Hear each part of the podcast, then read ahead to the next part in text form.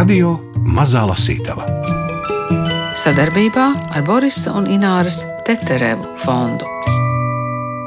Bet es nācu šurp un domāju, cik interesanti, jo man vienmēr arī klausoties ar jūsu raidījumu, un tad, piemēram, ja tu pēc tam kaut ko lasi, tad dzird to Gundaru balsi. Bet šajā gadījumā lasi grāmatu ar Viktoru balsi. Vai ne? Būs, Tagad būs interesanti. Tas...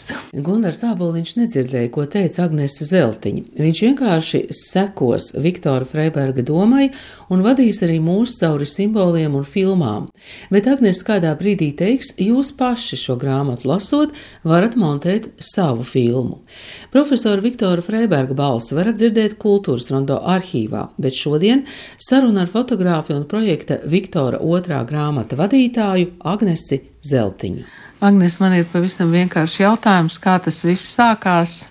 Kā sākās Viktora otrā grāmata, vai patiesībā droši vien Viktora iedvesmošana rakstīt otro grāmatu? Nu, mēs ar Kristīnu Matīsu, šīs grāmatas redaktore, uzrunājām Viktoru jau pirms nu, jau diviem ap pusgadiem, jo Viktors Facebookā lika tādus ceļvežus, filmu ceļvežus. Likās, nu, Viktors ir brīnišķīgs stāstnieks, Viktors raksta recenzijas. Un, nu, būtu nepieciešama grāmata par kino. Viktors atsaucās, nu, un tad pamazām, tad, kad viņš iesniedza to pirmo uzmetumu, kā tas varētu būt, viņam bija ļoti skaidra struktūra. Un, nu, atlika viena uzrakstīt, kā teikt. Bet, nu, grāmata kopā prasīja divus gadus piedzīvoju dažādas transformācijas idejas, kas arī vizualizācijā un tam līdzīgi. Bet nu, šajā gadījumā tas nāca par labu. Bet um, šeit jau nu nav tā, ka mm, Viktors būtu rakstījis par kādu konkrētu filmu piezīmes. Te tā struktūra ir um, daudz sarežģītāka. Jā, un tas, protams, bija gan tāds patīkams pārsteigums, ka Viktors nāca ar ideju par tēliem vai simboliem, kas uh, ir varbūt eh, biežāk sastopama filmās, vai kas viņu vairāk interesē, un tad attiecīgi izējot un balstoties gan uz savu pieredzi, gan uz savām atmiņām. Vai tās atmiņas ir īstas vai iztēlotas, eh, tas ir jautājums, bet tas viss veido ārkārtīgi interesantu formu. Viktors Freibergs ir arī ļoti ilgi strādājis par pasniedzēju, joprojām pasniedz eh, lekcijas universitātē. Um, kā angļu valodas filologs, kā semiotikas pasniedzējs, un e, šis viņa milzīgā pieredze gan kā filmu tulkam, gan kā pasniedzējam ir arī grāmatā ļoti labi nolasām, veido ārkārtīgi interesantu un blīvu tekstu, un arī ārkārtīgi kinematogrāfisku tekstu, es gribu piezīmēt. Un tie, kuriem ir e, paveicies e, dzirdēt Viktora Freiberga lekcijas, tad uh, skaidrs, ka šī grāmata skan Viktora balsī. Un, uh, manuprāt, uh, šī ir viena no tām grāmatām, kur lasot, lasītājs var pats montēt, var lasīt dažādā secībā.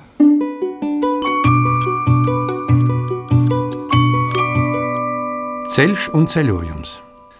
Ceļa vai ceļojuma filmas, road movies, ir specifisks filmu apakšžanrs, kurā jau pēc definīcijas jānotiek braucienam, ceļojumam, bet tas dažkārt pārklājas ar citiem filmu tēliem.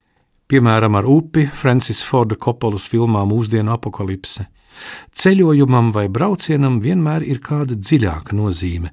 Tas neietver tikai pārvietošanos no punkta A uz punktu B. Ceļojuma laikā veidojas jaunas attiecības starp personāžiem, vai atklājas agrāk neiepazītas varoņu raksturu šķautnes. Uzskatāms piemērs ir Pītera Bogdanoviča filma Papīra mēnesis. Tikai vispirms jānoskaidro, kāpēc tai šāds nosaukums. Pirmkārt, attrakciju parkos piedāvāja pasēdēt uz papīra, drīzāk gan kartona vai finiera mēnesis, kas tika iekārts virvēs un fonā bija redzamas zvaigznes, kas radīja butaforisku ilūziju, ka cilvēks tiešām sēž uz mēnesi. Protams, augošā vai dilstošā formā, jo uz pilnmēnesi nav kur apsēsties. Otrakārt, tā ir atsauce uz Haralda Ārdena 1933. gada dziesmu Tas ir tikai papīra mēnesis, kuras būtība ir neizskaidrojamā saikne, ko divi cilvēki pēkšņi sajūt savā starpā.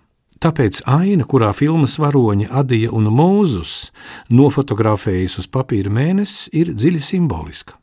Īpaši tādēļ, ka visdrīzāk Mūzus ir Adijas tēvs, un tajā pašā laikā krāpnieks, kurš braukā no mājas uz māju un par visai lielām summām pārdod atraitnēm bībeles ar ierakstu, ko it kā pirms nāves pasūtījis attiecīgās ģimenes nelaiķis. Vīrietis un bērns satiekas Adijas mātes bērēs. Kaimiņi lūdza mūzu aizvest meitenīti pie radiem. Adija ir uzstājīga, gudra un viltīga. Viņa atsakās braukt ar vilcienu, un tā nu abi kabrioletā ik pa laikam pārdodami bībeles dodas ceļojumā, kur gaitā Adija sāk spēlēt mūzus spēli. Pamazām abu saspringtās attiecības atmaikst, un iekšēji mūzus pieņem faktu, ka Adija iespējams ir viņa meita.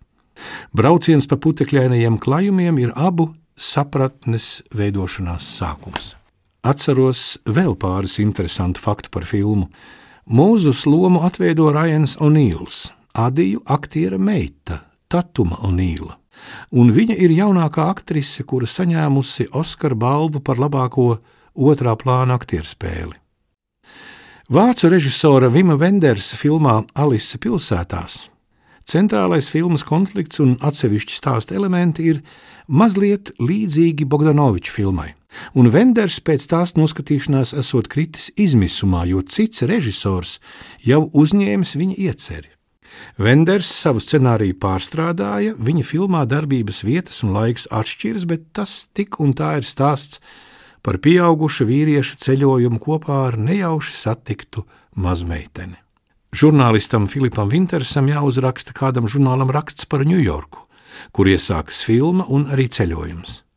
Tā vietā viņš aizraujas, fiksējot pilsētas ainavas ar polaroīda kameru, jo saskata šai metropolē kādu neparastu pilsētas šarmu. Kad viņam nākas atgriezties Eiropā, Filips vispirms gatavojas lidojumam uz Amsterdamu un lidostā iepazīstas ar jaunu vācu sievieti, kuru palūdz viņu uz brīdi pieskatīt Alisi. Ar šo mirkli Alises māte vienkārši pagaist no filmas vēstījuma, un Filipam nekas cits neatliek, kā mēģināt meiteni nogādāt vismaz pie kādiem radiniekiem. Alise sākumā ir neapmierināta, pat nikna uz savu ceļojuma biedru, bet abi cer Amsterdamā sastapt viņas nozudušo māti. Tad meitene atceras, ka Vācijā viņai ir vecmāmiņa, bet nezina ne adresi, ne pat īsti pilsētu, kurā viņa dzīvo. Vienīgais pavadiens ir fotografija pie nama parādes durvīm. Tā nu abi klīst vecmāmiņas meklējumos, un palēnām abu starpā veidojas sirsnība, pat draudzība. Kā noslēdzas Alises un Filipa ceļojums, varēsiet uzzināt, dodoties šajos meklējumos kopā ar abiem filmu varoņiem. Tās zīmes, eh, nu šeit Dita rietumā raksta uz tā priekšējā vāka 31 zīme 248 filmās. Kurš saskaitīja tās filmas? Nu, man šķiet, ka to darīja Kristīna Matīs, jā, kurš skaitīja. Jā, un beigās ir arī no nu, šo filmu saraksts, jā. kas arī interesanti. Plus vēl eh, jūs arī pievienojāt skaņceliņu. Jā, jo um, likās, uh, vispār nu, šīs grāmatas formu un uh, saturu, kaut kādā veidā vizuālo formu un arī pielikums noteica pats teksts un arī uh, filmas mākslinieks Aleksandrs Buse. Piemēram, grāmatas formātu horizontālo veidoja kā ekrāna attēlu šie grāmatas nosaukumi un nodaļas nosaukumi burti, kuri ir nedaudz miglaini, tas arī sasaucās ar filmu nosaukumiem, kur uz ekrāna nav ļoti skaidri, bet viņi ir nedaudz tā kā tādām miglainām robežām. Tā ir viena atsauce uz kino. Un tā kā kino klātesoša ir mūzika, mēs lūdzām klāsu Vāveri, lai viņš sagatavo filmu, nu, tā kā pasāstīsim šo ideju. Klāsts bija ļoti atsaucīgs un ieguldīja milzīgu darbu, izveidot sešu stundu celiņu. Viņš lasīja grāmatu un dramaturgiski veidoja šo celiņu kā līdzīgi pēc tās grāmatas kā struktūras. Un šī izlase ir pieejama Spotify. Viktora otrā grāmata - Klusums. Ir vairāki piemēri literatūrā un kino, kur klusums signalizē kaut ko maģisku, neparastu, pat šausminošu vai katastrofālu kas norisināsies pēc šī neilgā klusuma brīža. Līdz ar to bieži vien klusums nav tikai pauze filmas vai literāra darba vēstījumā, tas ir piesātināts ar gaidāmo un būtisko vēstījumu pavērsienu.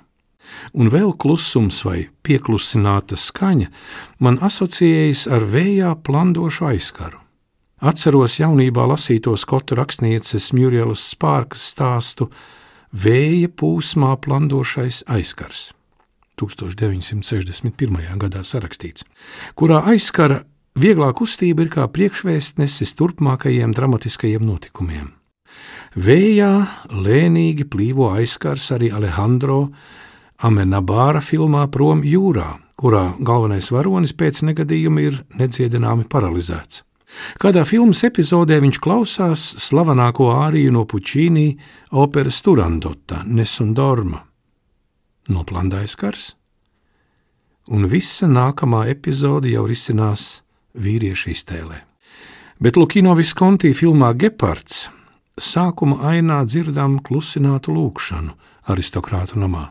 Mežģīņu aizskari caurvējā plīvo virs terases, veidojot spocīgus rakstus uz flīzēm, un drīz vien visi turpmākie notikumi pamazām sagrauj agrāk mierpilno dzīvi, lai kā mūžas iemītnieki mēģinātu pretoties. Par klusuma funkcionalitāti kinomākslā runājot, savā ziņā kvintesenci izsaka Ingmāra Bergmana filma Klusums. Kaut apzinos, ka šis ir nedaudz pārspīlēts apgalvojums, jo klusuma funkcijas ir būtisks izteiksmes līdzeklis arī daudzu citu režisoru filmās. Klusums ir Bergmana nosacītās triloģijas noslēdzošā filma. Pirmās divas ir Mīklaini kā spogulī, atsauce uz Pāvila pirmā vēstuli korintiešiem, mēs tagad redzam visu mīklaini kā spogulī, bet tad vaigu vaigā, tagad es atzīstu tik pa daļai, bet tad atzīšu pilnīgi, kā es pats esmu atzīts. Un ziemas gaisma, kurā mācītājs klusēdams cieš, jo nespēja atzīt, ka zaudējis ticību dievam. Arī šajā filmā ir virkne ainu, kurās filmas galvenais varonis klusībā noraugās laukā pa logu vai iegrimst pārdomās, un skatītājiem viņa šaubas nolasāmas bez liekvārdības, kas raksturīga lielai daļai Bergmana filmu. Bergmana filmā Klusums jau pašā nosaukumā ir iekodēts tēlains veids, kā pavēstīt skatītājam par divu māsu atsvešināšanos. Viņas ir nonākušas svešā, izdomātā valstī, kurā visdrīzāk briest apvērsums. Vecākā māsa ir smagi slima, un ik pa laikam viņai uznāk aizdusmas lēkmes. Viņa smoka, zaudē runas spējas, un valodu aizstāja klusums. Bergmans pret skatītāju nav maigs. Viņa ģeniālie kinodarbi mūs ievelk tik dziļā līdzcietības bezdibenī, ka skatoties filmu, rodas sajūta, es arī uz brīdi zaudēju runas spējas. Protams, milzīgu lomu šeit spēlē arī Ingrīdas Tūlinas tēlojums, un brīžiem šķiet, ka viņa nemaz netēlo. Viņas varone Estere bez apstājas smēķē un dzer kādu vietējo dzīru, tā vien liekas, ka viņa pašiznīcinās, kaut vienā no atālpas brīžiem saka, es negribu, ka tas viss tā beidzas šeit. Otras māsas Annas attiecības ar pašas dēlu ir līdzīgas attiecībām ar māsu. Viņa šķietami ienīsta dēlu vai ir pret viņu absolūti vienaldzīga. Abus šķir pastāvīgs klusums. Tas sasaucas ar vienu no sarežģītākajiem Bergmana darbiem - persona. Sākuma ainā redzams zēns morgā, neveikls, kusls, biezām lūpām. Iespējams, viņš ir aktrises Elizabetes dēls. Fonā pēkšņi parādās nedaudz izplūdusi, groteski liela aktrises Elizabetes seja, un zēns to mēģina noglāstīt, pieskarties tai, bet tad tā lēnām pagaist. Lūgas elektra izrādes laikā Elizabete noslēpumaini pasmaida un apklust. Kopš tā brīža viņa ieslīgst klusumā un visas filmas gaitā nebilst nevārda.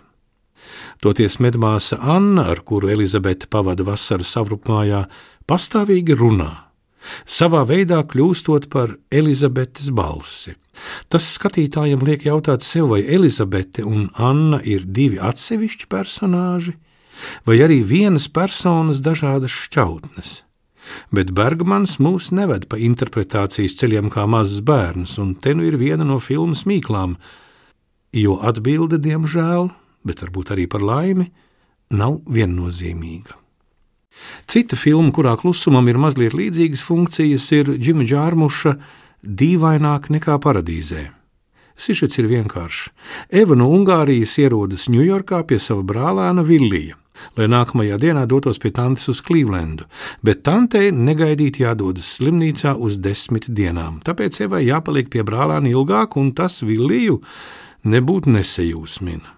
Filmas dialogiem ir visai izteikta līdzība ar britu absurdu drāmas klasiķa Heralda Pintera lugām. Ilustrācijai minēšu pāris piemērus. Pirmkārt, filmas stils ietver klusumu kā savdabīgu ritmu komponentu. Bieži vien atsevišķas vēstījuma epizodes ir nemontētas. Tātad viens kadrs ir viena epizode, un tās citu no citas atdala satumsumi, ko Džārmušs izmanto vairākās filmās. Satumsums ir piesātināts klusuma brīdis, kas ļauj skatītājam interpretēt un padziļināt fiksēt iepriekšējo epizodi, un šie satumsumi atgādina Pintera lugu dialogus, kuros frāzi no frāzes šķir remarkas, pauze, gara pauze, ļoti gara pauze un tā tālāk. Pauzes tekstam piešķir zināmu ritmu vai tempu un veido atsvešinātības telpu starp personāžiem, tādējādi kļūstot par jēgpilniem stila komponentiem.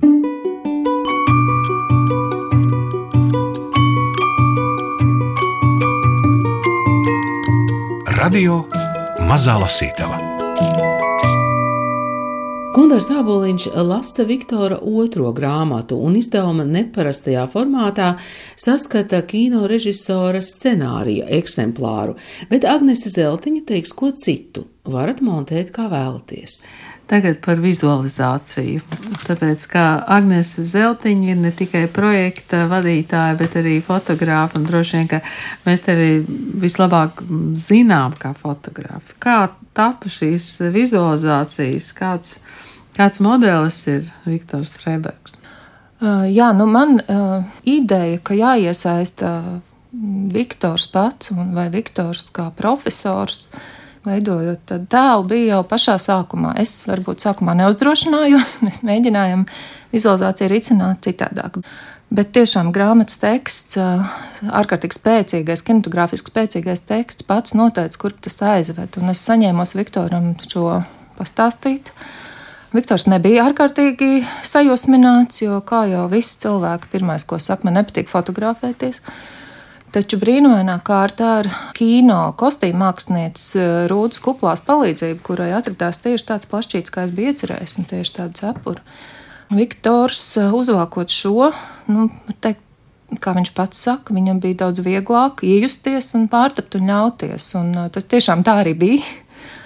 Un, nu, jā, nu, vietas es dažas jau biju izdomājis, atlika vien atrast, nu, piemēram, ārā baseinu vai spoguļus. Dažas es piemeklēju, skatoties filmas, domājot, kas varētu sasaistīties. Tā mēs strādājām, bet, piemēram, nu, tādi daudz arī patīkami pārsteigumi cilvēki bija ārkārtīgi pretīm nākoši. Jo Piemēram, grāmatas vāks ir tapis Jāgavas rūpnīcā. Šo rūpnīcu es atradu tajā dienā, kad mēs braucām uz Jāgavu. Es, es atklāju, ka ir tāda vieta, kur izstāsta ļoti nu, piemērota. Un zvanot pretī bija dāma, kur izrādās ir bijusi Viktora studenta. Bijusi. Un, un mēs tur tikām. Un mēs ja? tur tikām bez jebkādām īpašām piepūles. Jā, nu, tas bija brīnišķīgi. Un uh, Viktors paņēma arī pīpiem.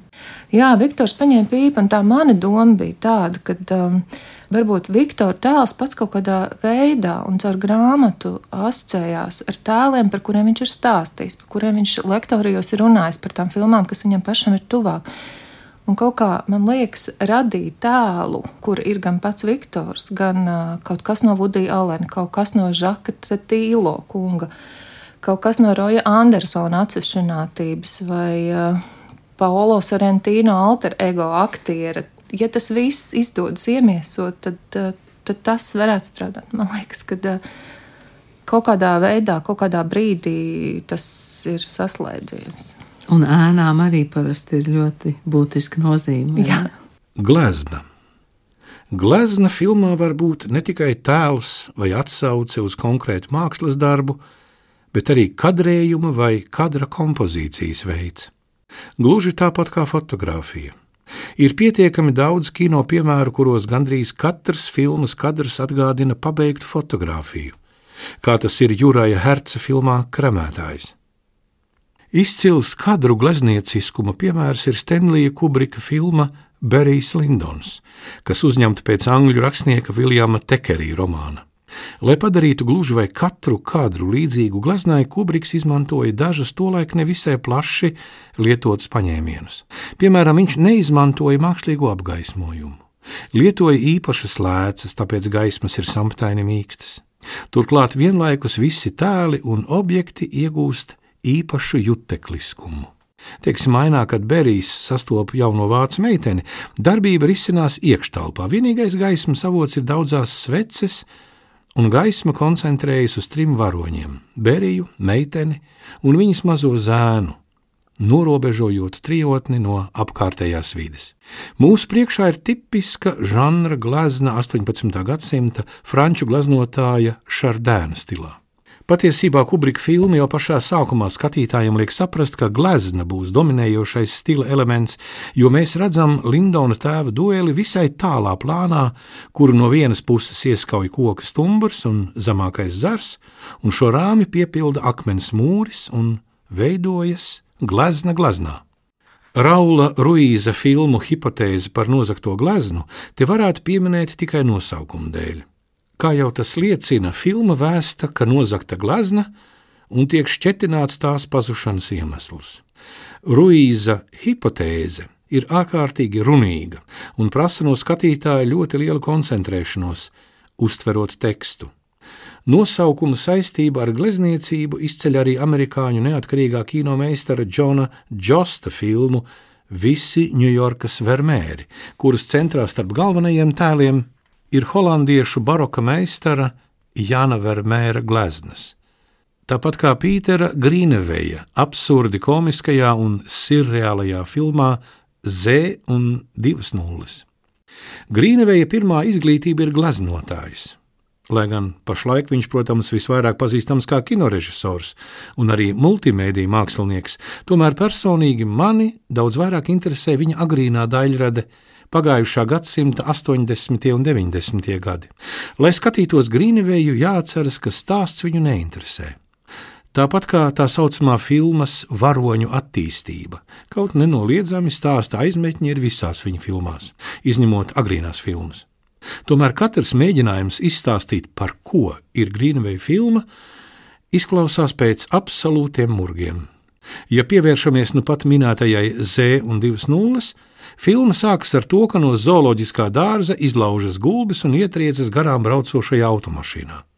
Avārijā iet bojā divu brāļu sievas. Izdzīvo sieviete vārdā Alba. Brāļus sauc Osvalds un Olivers un nav grūti pamanīt vēl vienu nosaukuma aspektu. Divas nulles tikpat labi varētu būt divi oburti.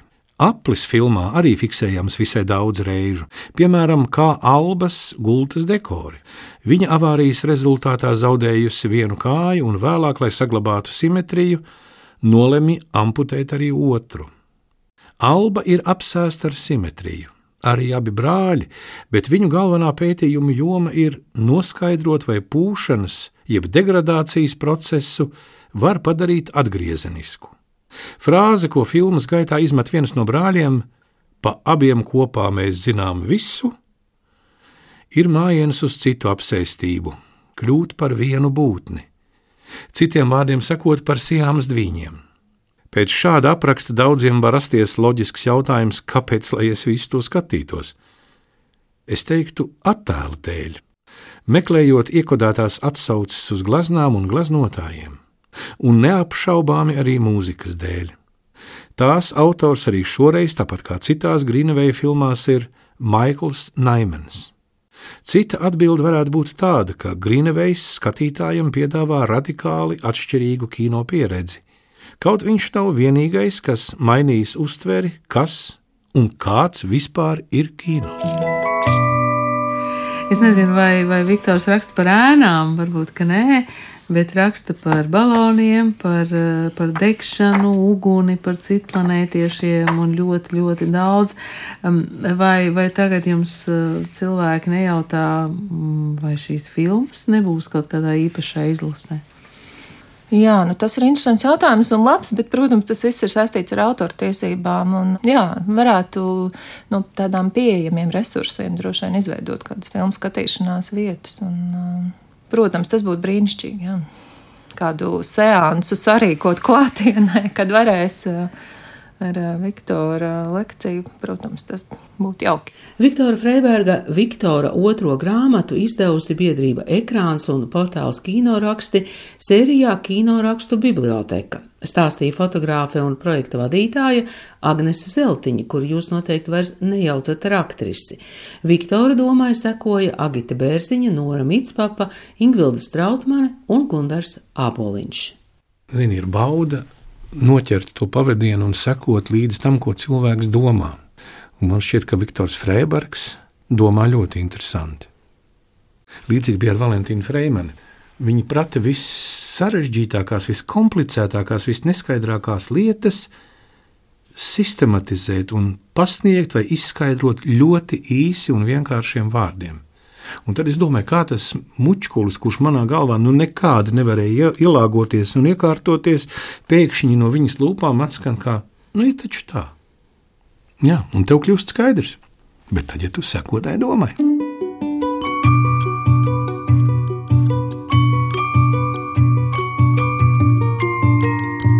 Radio Mazā Lasītava sadarbībā ar Borisa un Ināras Teterevu fondu.